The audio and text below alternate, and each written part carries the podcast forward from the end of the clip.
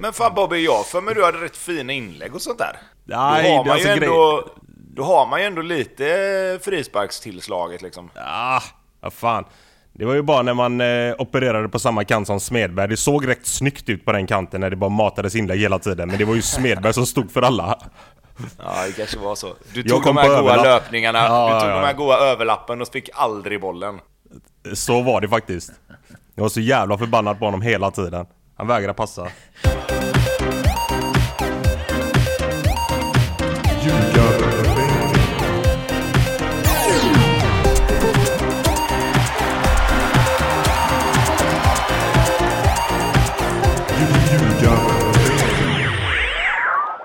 Det här är Ljugarbänken i samarbete med NordicBet och det är ju EM-fokus nu som ni säkert har eh, koll på. Men eh, vi ska börja en bit från EM tänker jag. Eh, Tobbe, det ryktas om en frispark under gårdagen. Ja, eh, den ryktet sprider sig fort i vårt avlånga land.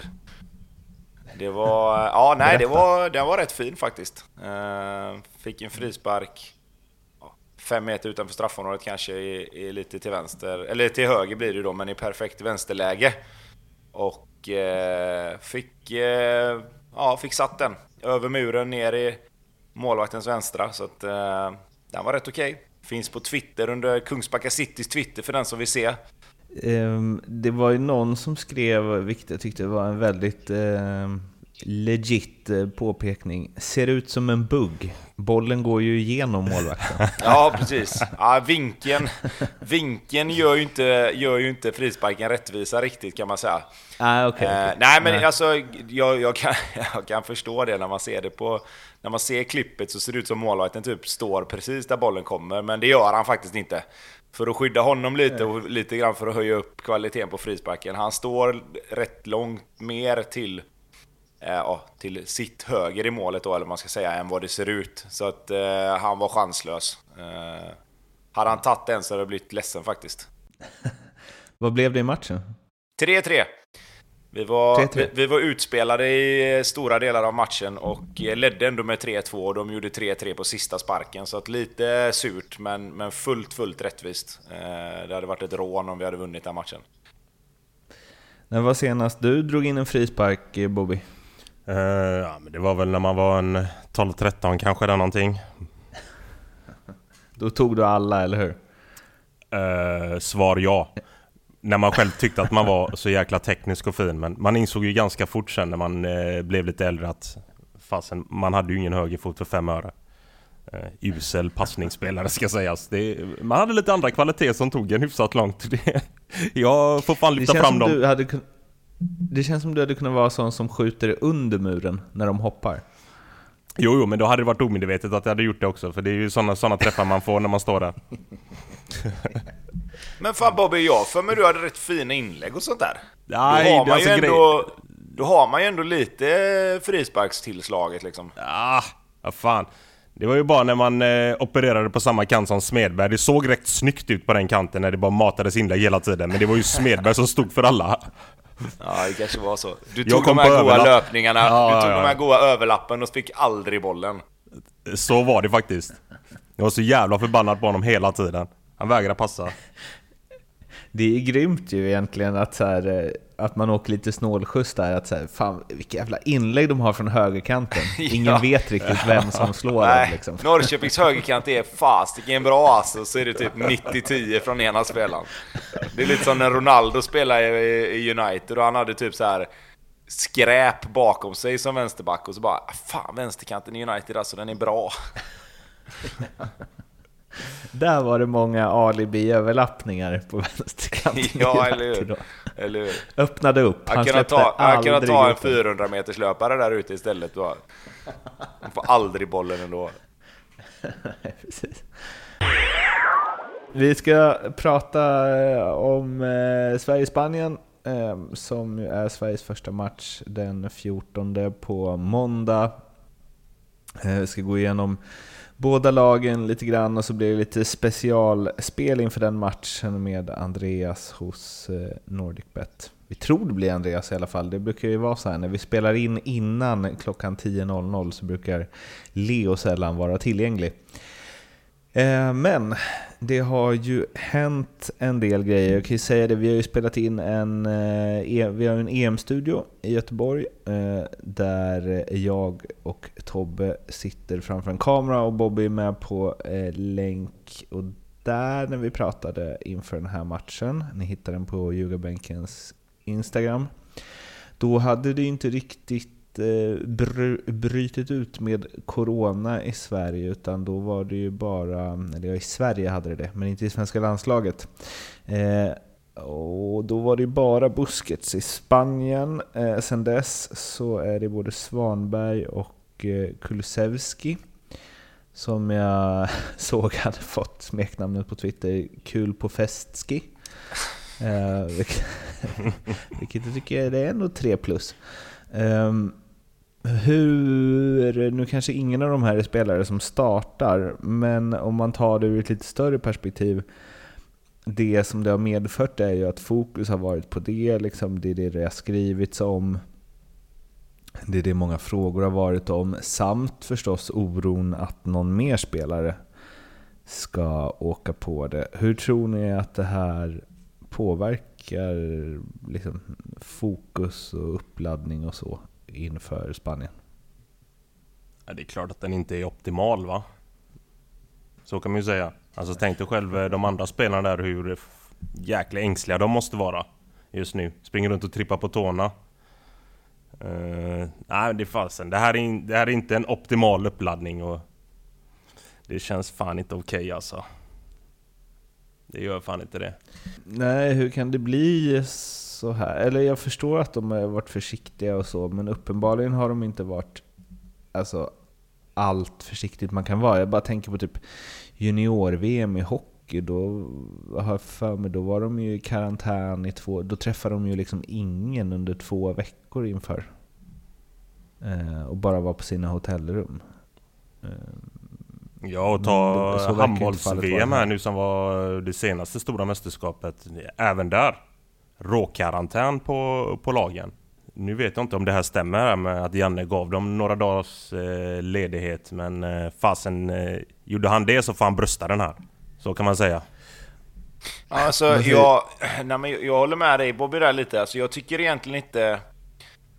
Alltså jag läste och, och, lyssnade lite på vad Janne sa om vad det var som faktiskt hade hänt där med, med Kulusevski just. Svanberg har jag, inte, har jag inte förstått riktigt om han har blivit smittad av honom eller om det har kommit från annat håll. Men just det här med Kulusevski där så verkar det ju som att han har inte blivit smittad på den här middagen. Och det är klart att jag tycker snarare så här att att han går och käkar med sin morsa och syster och sådär tror jag det var va? Det, det, det säger jag ingenting om. Det, det, hade vem som helst kunnat göra faktiskt. Det tror jag ändå.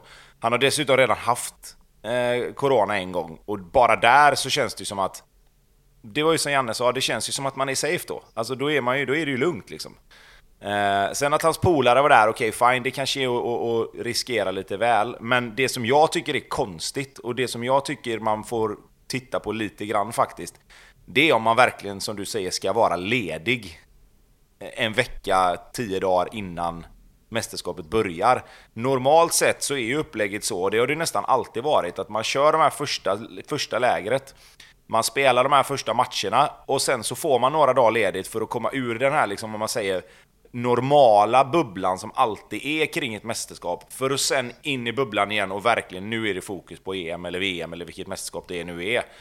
Men i nuläget så som situationen ser ut så Ja, jag tycker det, det mest konstiga i det här är att de överhuvudtaget fick ledigt och lämna den här bubblan tycker jag. Det, mm. det, det, är där jag skulle vilja trycka på att felet har legat från början. Sen att man väljer att göra vissa saker under de här tre lediga dagarna, det må vara hänt och det, det är klart att nu med facit i hand är det jättelätt att säga att de bara skulle liksom fan stannat hemma de här tre lediga dagarna, men, men jag tycker det är konstigt att de får ledigt från första början. Mm. Sen förstår jag hela grejen med att man ska vara ledig. Det, det är ju i, i, den ideala världen så är det helt rätt att göra så, men nu när det är som det är så tycker inte jag det. Det som är konstigt måste jag säga, det är ju att det är... Eh, alltså om handbollslandslaget klarar det, om juniorhockeylandslaget klarar det, då måste väl liksom den största sporten av alla inför ett stort mästerskap, det måste, då känner jag att det måste vara ännu hårdare där. Det måste vara ännu liksom mer instängt oavsett vart vi är i pandemin, för man vill ju inte ha något att så här, Ja men eh, vips så kan ju tio spelare i ena laget ha det och då har de hunnit möta något annat lag. Och sen så, alltså, eh, jag tycker det är konstigt, det blir, det blir nästan tvärtom här. Att så här, fotboll är så stort, det är klart att de ska ha ledigt. Alltså, eller det är det det signalerar. Liksom. Ja. Varför ska handbollsspelarna låsa in sig? Ja, om inte fotbollsspelarna gör det. Ja, det är så sjukt. Och det, signalerna var ju där. Alltså de fanns ju där innan de gick på ledighet. Busquets i Spanien åker på coronan ännu tydligare signal för att boys, vi stannar kvar på hotellet. Mm. Vi lever i våran egna bubbla. Ta det bara. Mm. Typ så. Alltså, ta det bara. Ja, för hade man gjort det också och sen att det hade visat sig att, att de hade blivit smittade innan eller på något annat sätt, då har du i alla fall gjort det du kan för att hålla smittorisken borta liksom. Nu blir det ju så här, nu ska 26 gubbar iväg och, och liksom oavsett vad de gör så kommer de ju på något jävla vänster träffa folk. Alltså det kommer ju bli att de stöter på människor oavsett om de går och äter middag med sina föräldrar eller om de bara sitter på ett hotellrum eller om de åker hem eller vad fan de än gör så kommer de ju exponeras för större risk. Än om de bara hade stannat kvar och kört vidare. Och hade de då blivit smittade så fine liksom, okej okay, men då, vi kan inte göra mer än vad vi har gjort. Men det här är, jag, jag säger det igen, jag, det här är ytterst märkligt att de får de här lediga dagarna. Alltså, för, för personen och människorna och allting sånt där, jag säger ingenting om det. I en normal värld och en normal planering, absolut. Men inte som det ser ut nu. Och det är också, fan vad stör mig på det här, eh, nu blir det mycket negg här, men vad stör mig på att de ska gå ut och säga ah, Kulusevski smittades inte då, han smittades då. Det, alltså så här, försvara det på något sätt, när de egentligen, de vet ju inte. Alltså, det är så här, han, troligtvis så smittades han på det här sättet, så var inte arga på att han var på den här reklaminspelningen eller gick på den här festen eller vad det nu är. Vilket jag känner bara, Alltså, ja. Det blir, det blir pajas ja, det, av det. Ja, det blir, alltså, det blir bara skräp. Ni har allting. ingen aning när han smittades, så håll käft. och förstå att det var en dålig grej att, att ni gav dem ledigt, typ. Eh, ja, nu har det blivit dags att ringa upp Andreas på NordicBet för att snacka lite specialspel. Tjena boys! Tjena! Hallå Tjena. stugan! Tjena. Hur, hur är EM-febern? Eh, jo, men den är bra. Det börjar ta sig mer och mer för varje dag. Nu är man ju mer eller mindre tokladdad. Mm. Det är dags snart. Ja, det ska bli kul. Mm. Hur, eh, hur laddar du upp? Armhävningar? Eh, ah, det är mer 12 timmar jobb som gäller. Ja, okay, okay. Det finns inte utrymme för armhävningar. Det är, en stor, det är en stor skillnad där på dig och Leo. Inte för att Leo gör eh, massa armhävningar, utan med 12 timmar jobb-delen som jag tänkte på. Nej, ah, han gör varken armhävningar eller 12 timmar, det kan jag lova. eh, vad har vi att bjuda på idag då? Jag hörde att ni hade lite specialspel kanske till Sveriges EM-premiär i Sevilla. Stämmer det? Det stämmer ja, bra. Jag tror det stämmer. Då är det bara att köra så ska ni få ett eh, hyfsat generöst odds i alla fall. Men Tobbe, börjar du så följer jag i med min. Okej, okay, ja men då börjar jag då. Då säger jag så här för att bygga vidare på mitt resonemang innan där i, eh, i videodelen att eh, jag tror att Spanien kommer komma ut med frenesi på hemmaplan från början. Och jag tror att Morata gör mål i första halvlek, har jag som spel. Mm, okay. Det är en hemsk tanke, men 4,50 eh, kan vi få på det. Morata mål i första halvlek. Ja, men det tycker jag låter ändå rimligt. Mm. Men ändå känns som en av de mest eh, troliga målskyttarna, om det nu ska ringa i det målet. Ja, men det känns så. Det känns som att mm. de kommer trycka ner Sverige rätt ordentligt i början och försöka och hitta de här inspelen. Och han är ju rätt vass både på, både på huvudet och på... Eh, vad heter det?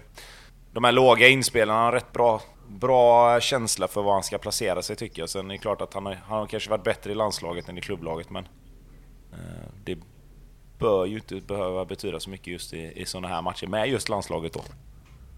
Han känns som en sån spelare som man, eller för mig är han en spelare som jag tänker så här, äh, Han har haft sitt. Han är inget bra längre. Och samtidigt så tänker jag att han kan typ vinna skytteligan. Ja. För att han petar, han, han petar fortfarande in bollarna på någon vänster. Ja, det känns ju som att han kanske till och med skulle kunna vara straffskytt nu när Ramos inte är med eller? Så att... Eh, ja, just det. vi får se. Ja, men det är bra. 4,50 på det. Eh, Bobby? Ja men då fyller jag på här då med, med, med Tobbes. Jag har eh, att Spanien vinner första halvlek.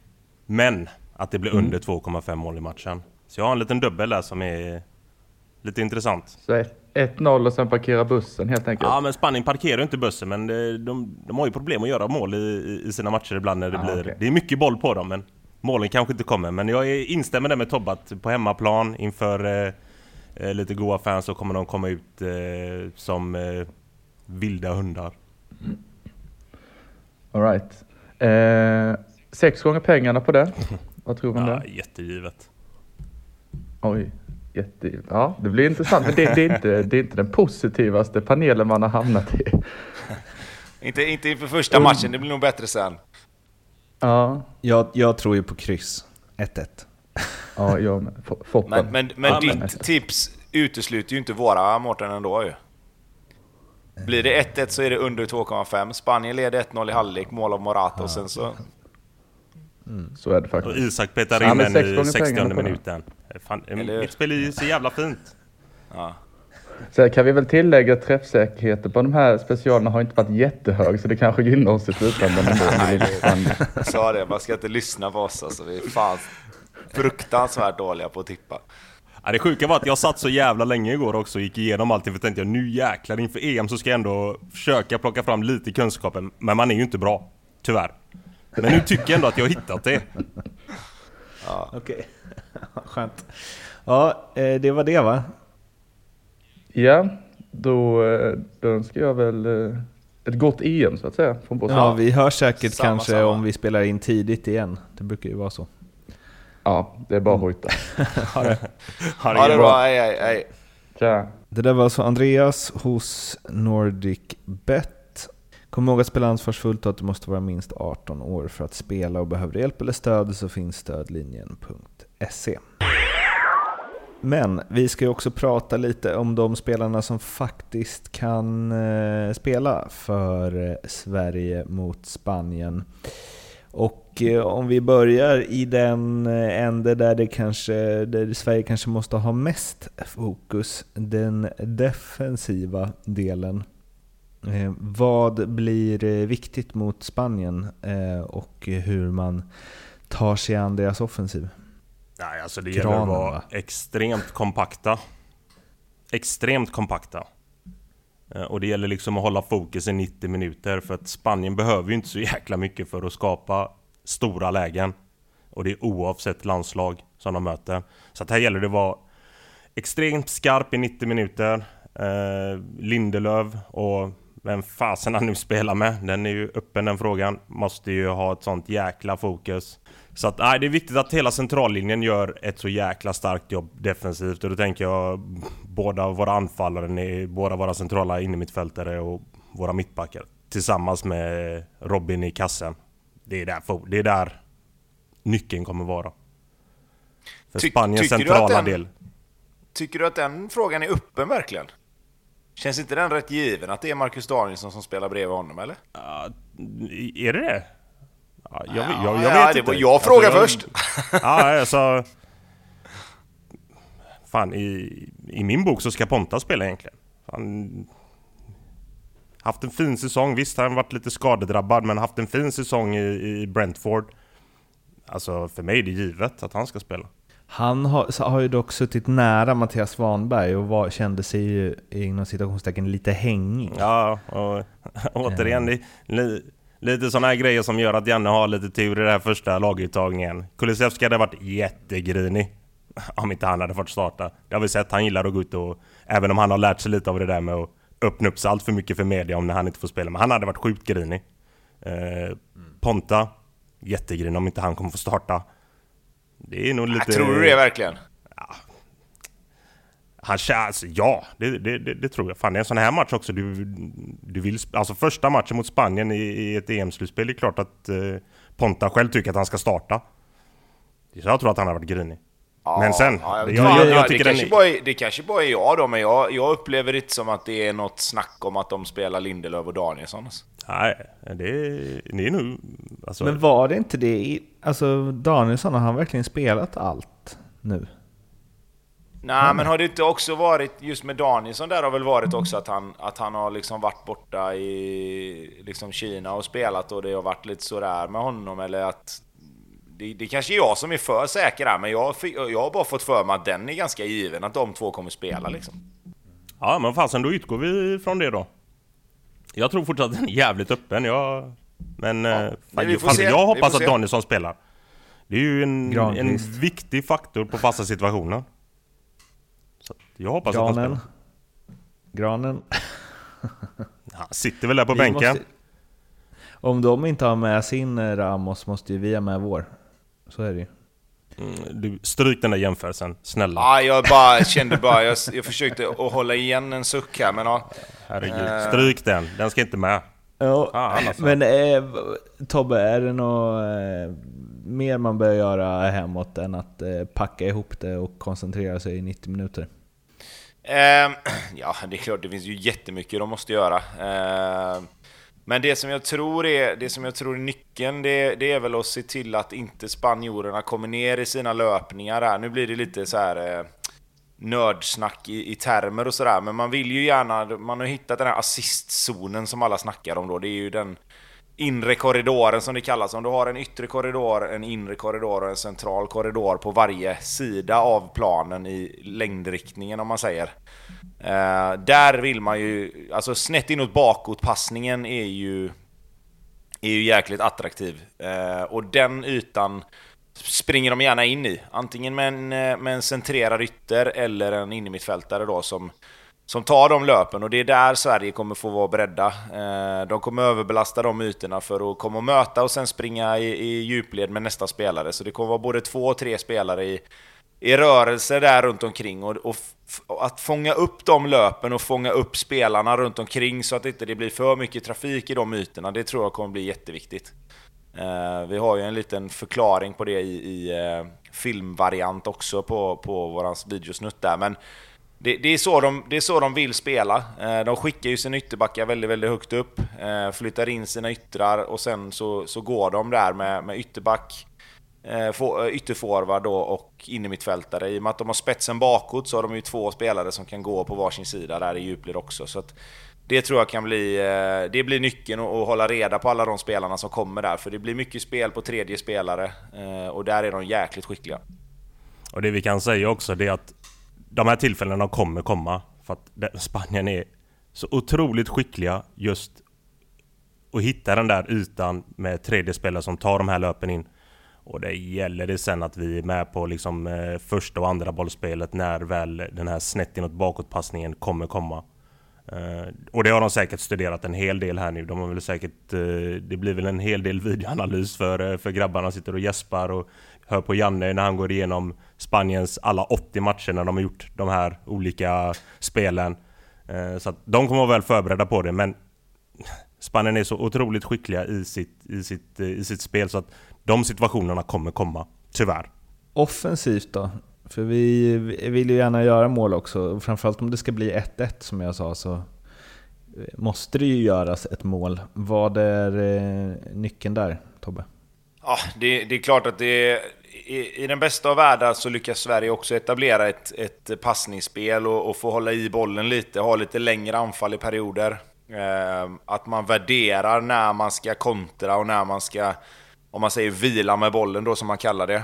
Eh, risken finns ju att Sverige försvarar sig mycket och då är det då är det de här två, tre första passningarna för att spela bort första pressen och sen framförallt skick, alltså skicklighet och kvaliteten i passningsspelet kommer bli jätteviktigt så inte bollen bara försvinner direkt igen och Spanien får tillbaka den och så får man börja försvara igen för, för det kommer bli otroligt jobbigt. Ganska säker på att vi kommer hamna där i perioder.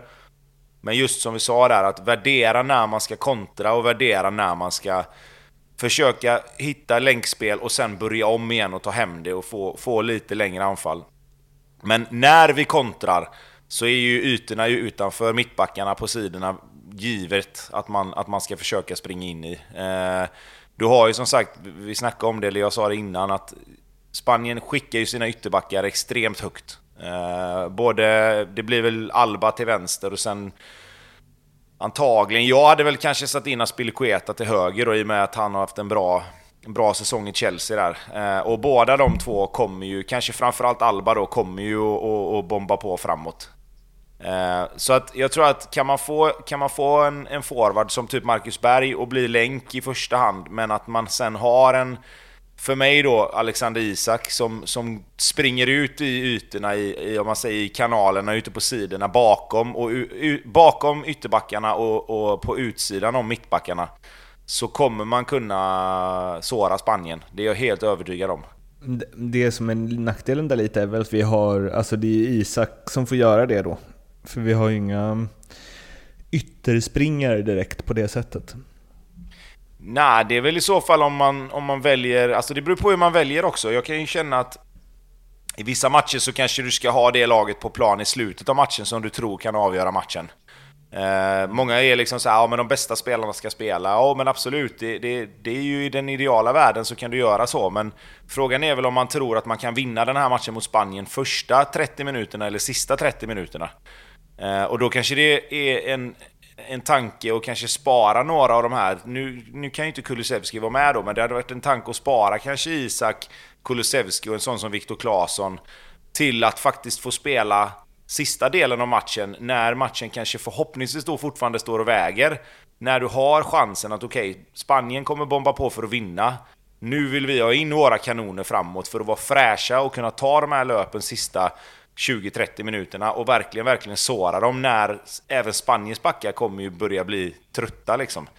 Eh, så, så där är ju en tanke med kanske då att varför man spelar en sån som Sebastian Larsson första 60-65 och sen kan kasta in en Viktor Claesson, sen kan du kasta in en, en, Alexander Isak istället för en Marcus Berg eller istället för en Robin Quaison. Um, så att, så att man, får, man får värdera lite där vad det, är, vad det är man vill och hur matchplanen ser ut. Liksom. Om ni tar ut varsin eh, på förhand, eh, vikt, liksom den spelaren i Sverige som är, eh, blir lite extra viktig i den här matchen, det är vi säkert flera, men ni får bara välja en. Vem tar du Bobby? Det är ju inte för inte som Janne älskar att spela med Marcus Berg. Eh, han tar ju ett jäkla ansvar defensivt i den första pressen. Eh, folk ser bara målen på en forward tyvärr, men han gör ju ett sånt otroligt jobb eh, för det svenska landslaget defensivt. Han kommer bli jäkligt viktig. Även den här matchen. Och han vet vad han ska göra, det är därför Janne kommer spela med honom. Man får säga vad man vill om att man vill se mål från, från en forward, men i en sån här match speciellt så är det extremt viktigt att ha ett jäkla homogent lag som gör jobbet till 100% och man vet alltid vad man får av Marcus Berg i det defensiva arbetet. Otroligt viktigt i den här matchen. Men sätta första pressen. Vem har du Tobbe? Nej, jag, till att börja med vill jag bara säga att jag håller med Bobby där. Eh, Mackan kan ju bli den viktigaste spelaren egentligen för Sverige i det här EMet om han eh, kan kombinera det här som Bobby säger med försvarsspel och länkspel och dessutom kanske pilla in lite mål. Ehm, men om han säger Marcus Berg så säger väl jag Robin Olsen då. Ehm, vi kommer behöva två, tre riktiga kalasräddningar från honom, eh, tror jag. Och jag, eh, jag, jag, tror att det som, är, det som är positivt med att han kommer in här nu och liksom och känns som att han skulle behöva han skulle behöva göra sitt livsmästerskap här nu för att någonstans visa klubbar runt om i Europa att fasiken, satsa på mig nu. Låt mig bli första målvakt i ett lag som liksom ändå har lite ambitioner. Och ta det lilla, lilla steget från att vara liksom en målvakt som står 20 matcher per år, 25 kanske, till att stå 40 matcher per år. Mm. Uh, nu har jag ingen statistik egentligen som backar upp det, men känslan är att han inte riktigt har blivit ordinarie i sina lag ännu. Och ett riktigt, riktigt bra mästerskap tror jag kan göra att han faktiskt tar, den, tar det lilla klivet upp till att bli, om man ser ännu mer etablerad som första målvakt då. Nu har det blivit dags att prata om motståndaren då, Spanien. Och vi börjar ju där det är helt givet att börja. Ingen eh, Sergio Ramos i den här truppen. Mycket märkligt va? Ja, jag tycker det är jättemärkligt. Uh, jag, jag har fortsatt svårt att, att se, speciellt när jag tittar på, på den eh, backlinjen, eller de försvararna som man tagit ut, så liksom så här, vad fan, ta ett en plats i det här laget. Luis Enrique han, eh, han, han hettar till det här. Det är jävligt kul dock ska sägas, men eh, jäkligt märkligt att han inte kommer med. Det är ju en, det är en vinnare om något. Så att jag tycker att den är, den är, den är sjuk.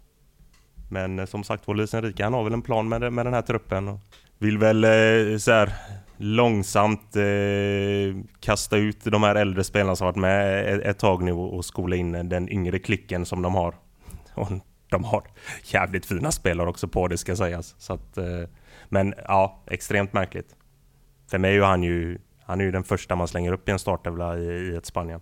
Mycket märkligt, Tobbe? Ja, nej, nej, ja, absolut. Eh, och det var som vi sa, jag menar han har han har varit lagkapten för Spanien så länge. Eh, men det kan ju vara så, han, han kanske inte är helt hundra fit för att spela. Och, men det var som vi sa, då, då tänker man väl att man tar med honom i någon sorts Granqvist-roll kanske och får vara med och kan han spela så kan han spela. Jag menar Sergio Ramos och, och Laporte hade varit ett hyfsat mittbackspar att kunna slänga in i, i, och bara liksom i någon match för att avlasta någon annan också kanske. Eh, men, men han har valt att ta bort Ramos. Eh, jag, jag, köper hela den här generationsväxlingsgrejen, men det gör man ju kanske inte i ett mästerskap. Eh, det gör man väl i så fall efter mästerskapet, att efter det här mästerskapet hade du kunnat säga till Sergio Ramos att lyssna, nu är det så här att nu är det två år, ett, två år till nästa. Eh, du har varit lite skadedrabbad, vi kommer gå på andra spelare nu. Du har ju liksom gjort fantastiskt mycket för Spanien, eh, men, men nu kommer vi gå på andra spelare. Så att utan att veta så är det lite märkligt. Men... Jag, jag, jag är liksom inte riktigt... Jag, jag har inte 100% koll på om han hade kunnat spela matcher i mästerskapet. Men som vi sa, ta med honom som, som någon sorts... Eh, Gå inte in på det. I, i, ja. Vad sa du? Ja, jag, tänkte, jag tänkte bara in och avbryta. Gå inte in på det. Nej, precis. Nej, vi, någon vi typ av det. granen. Nej, nej. Vi... Eh, nej, förlåt. eh, ingen Sergio Busquets heller på grund av eh, covid då. Eh, som ju, ja man kan väl tycka vad man vill om honom, men det känns som att han drar ett rätt stort lass på det där mittfältet ändå, på sitt sätt. Ja, men det gör han. Men, men där tror jag ändå att de har täckning liksom. Eh, du har ju spelare som till exempel då Rodri från, från City där som, som har haft en bra säsong. Eh, mer eller mindre konkurrerat ut Fernandinho tycker jag. Jag tycker att Fernandinho fortfarande är en grym spelare, men jag tycker att Rodri är liksom mer framtiden där. Um, och sen har de ju liksom, du har ju Thiago skulle kunna spela där i en, i en sån här match. Uh, när de möter Tyskland eller Frankrike eller, eller andra storlag så kanske de behöver en lite mer defensivt inriktad spelare. Men, men uh, i en sån här match att ligga och, och fördela bollar så hade ju Thiago kunnat spela där också. Eh, då är ju Kåke som kommer spela säkert. Eh, så att det finns, ju, det finns ju ett överflöd av spelare som kan ta den platsen. Så där, den tror jag inte de saknar lika mycket som en, som en Sergio Ramos i, i, full, i full form. Liksom.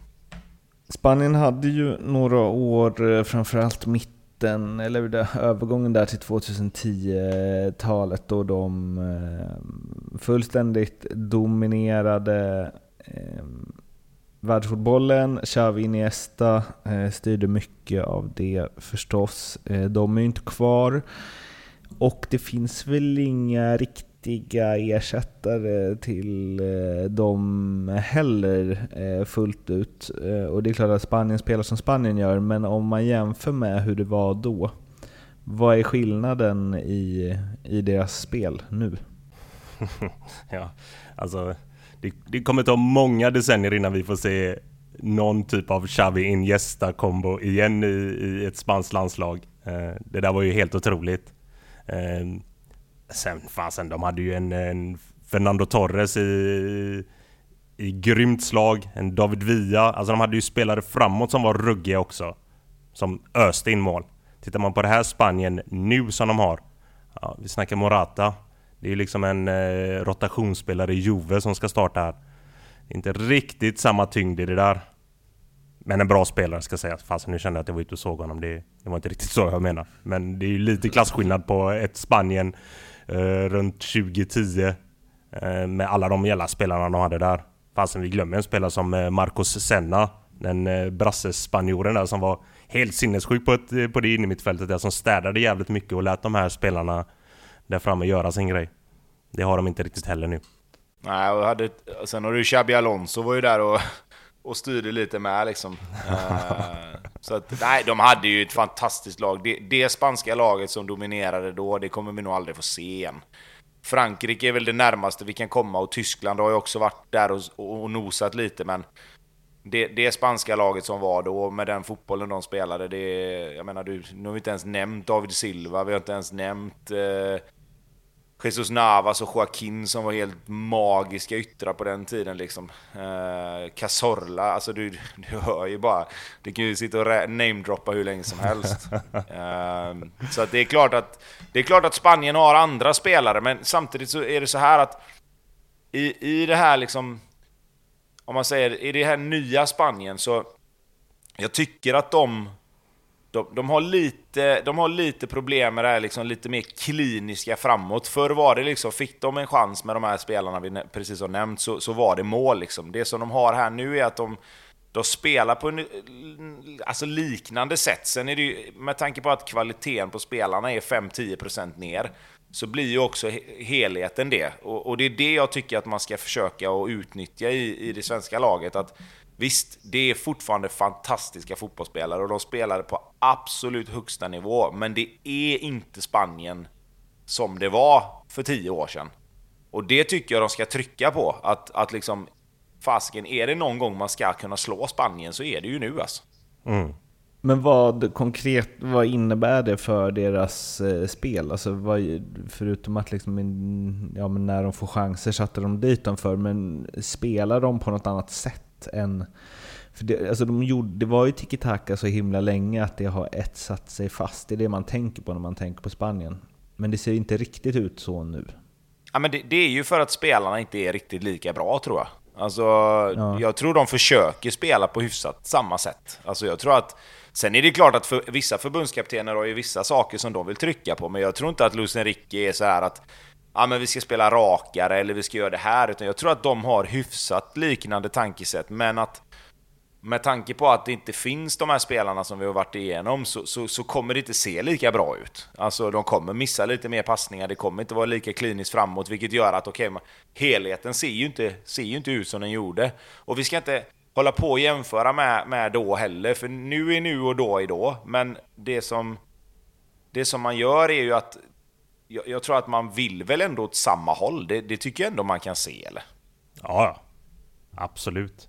Alltså, fasen... eh, Spaniens eh, sätt att spela fotboll har ju inte ändrats på de här tio åren. Utan de vill ju fortsatt vara jäkligt... Eh, liksom hålla mycket i boll och hitta de här eh, ytorna som, som Tobbe var inne på, eh, på förut. Och det gjorde man även då, för, för tio år sedan. Sen var det ju lite annan kvalitet på den sista passningen snett inåt bakåt, även passningen in i den zonen då. Eh, men de, kommer, de, de spelar ju i stort sett likadan fotboll som de gjorde då.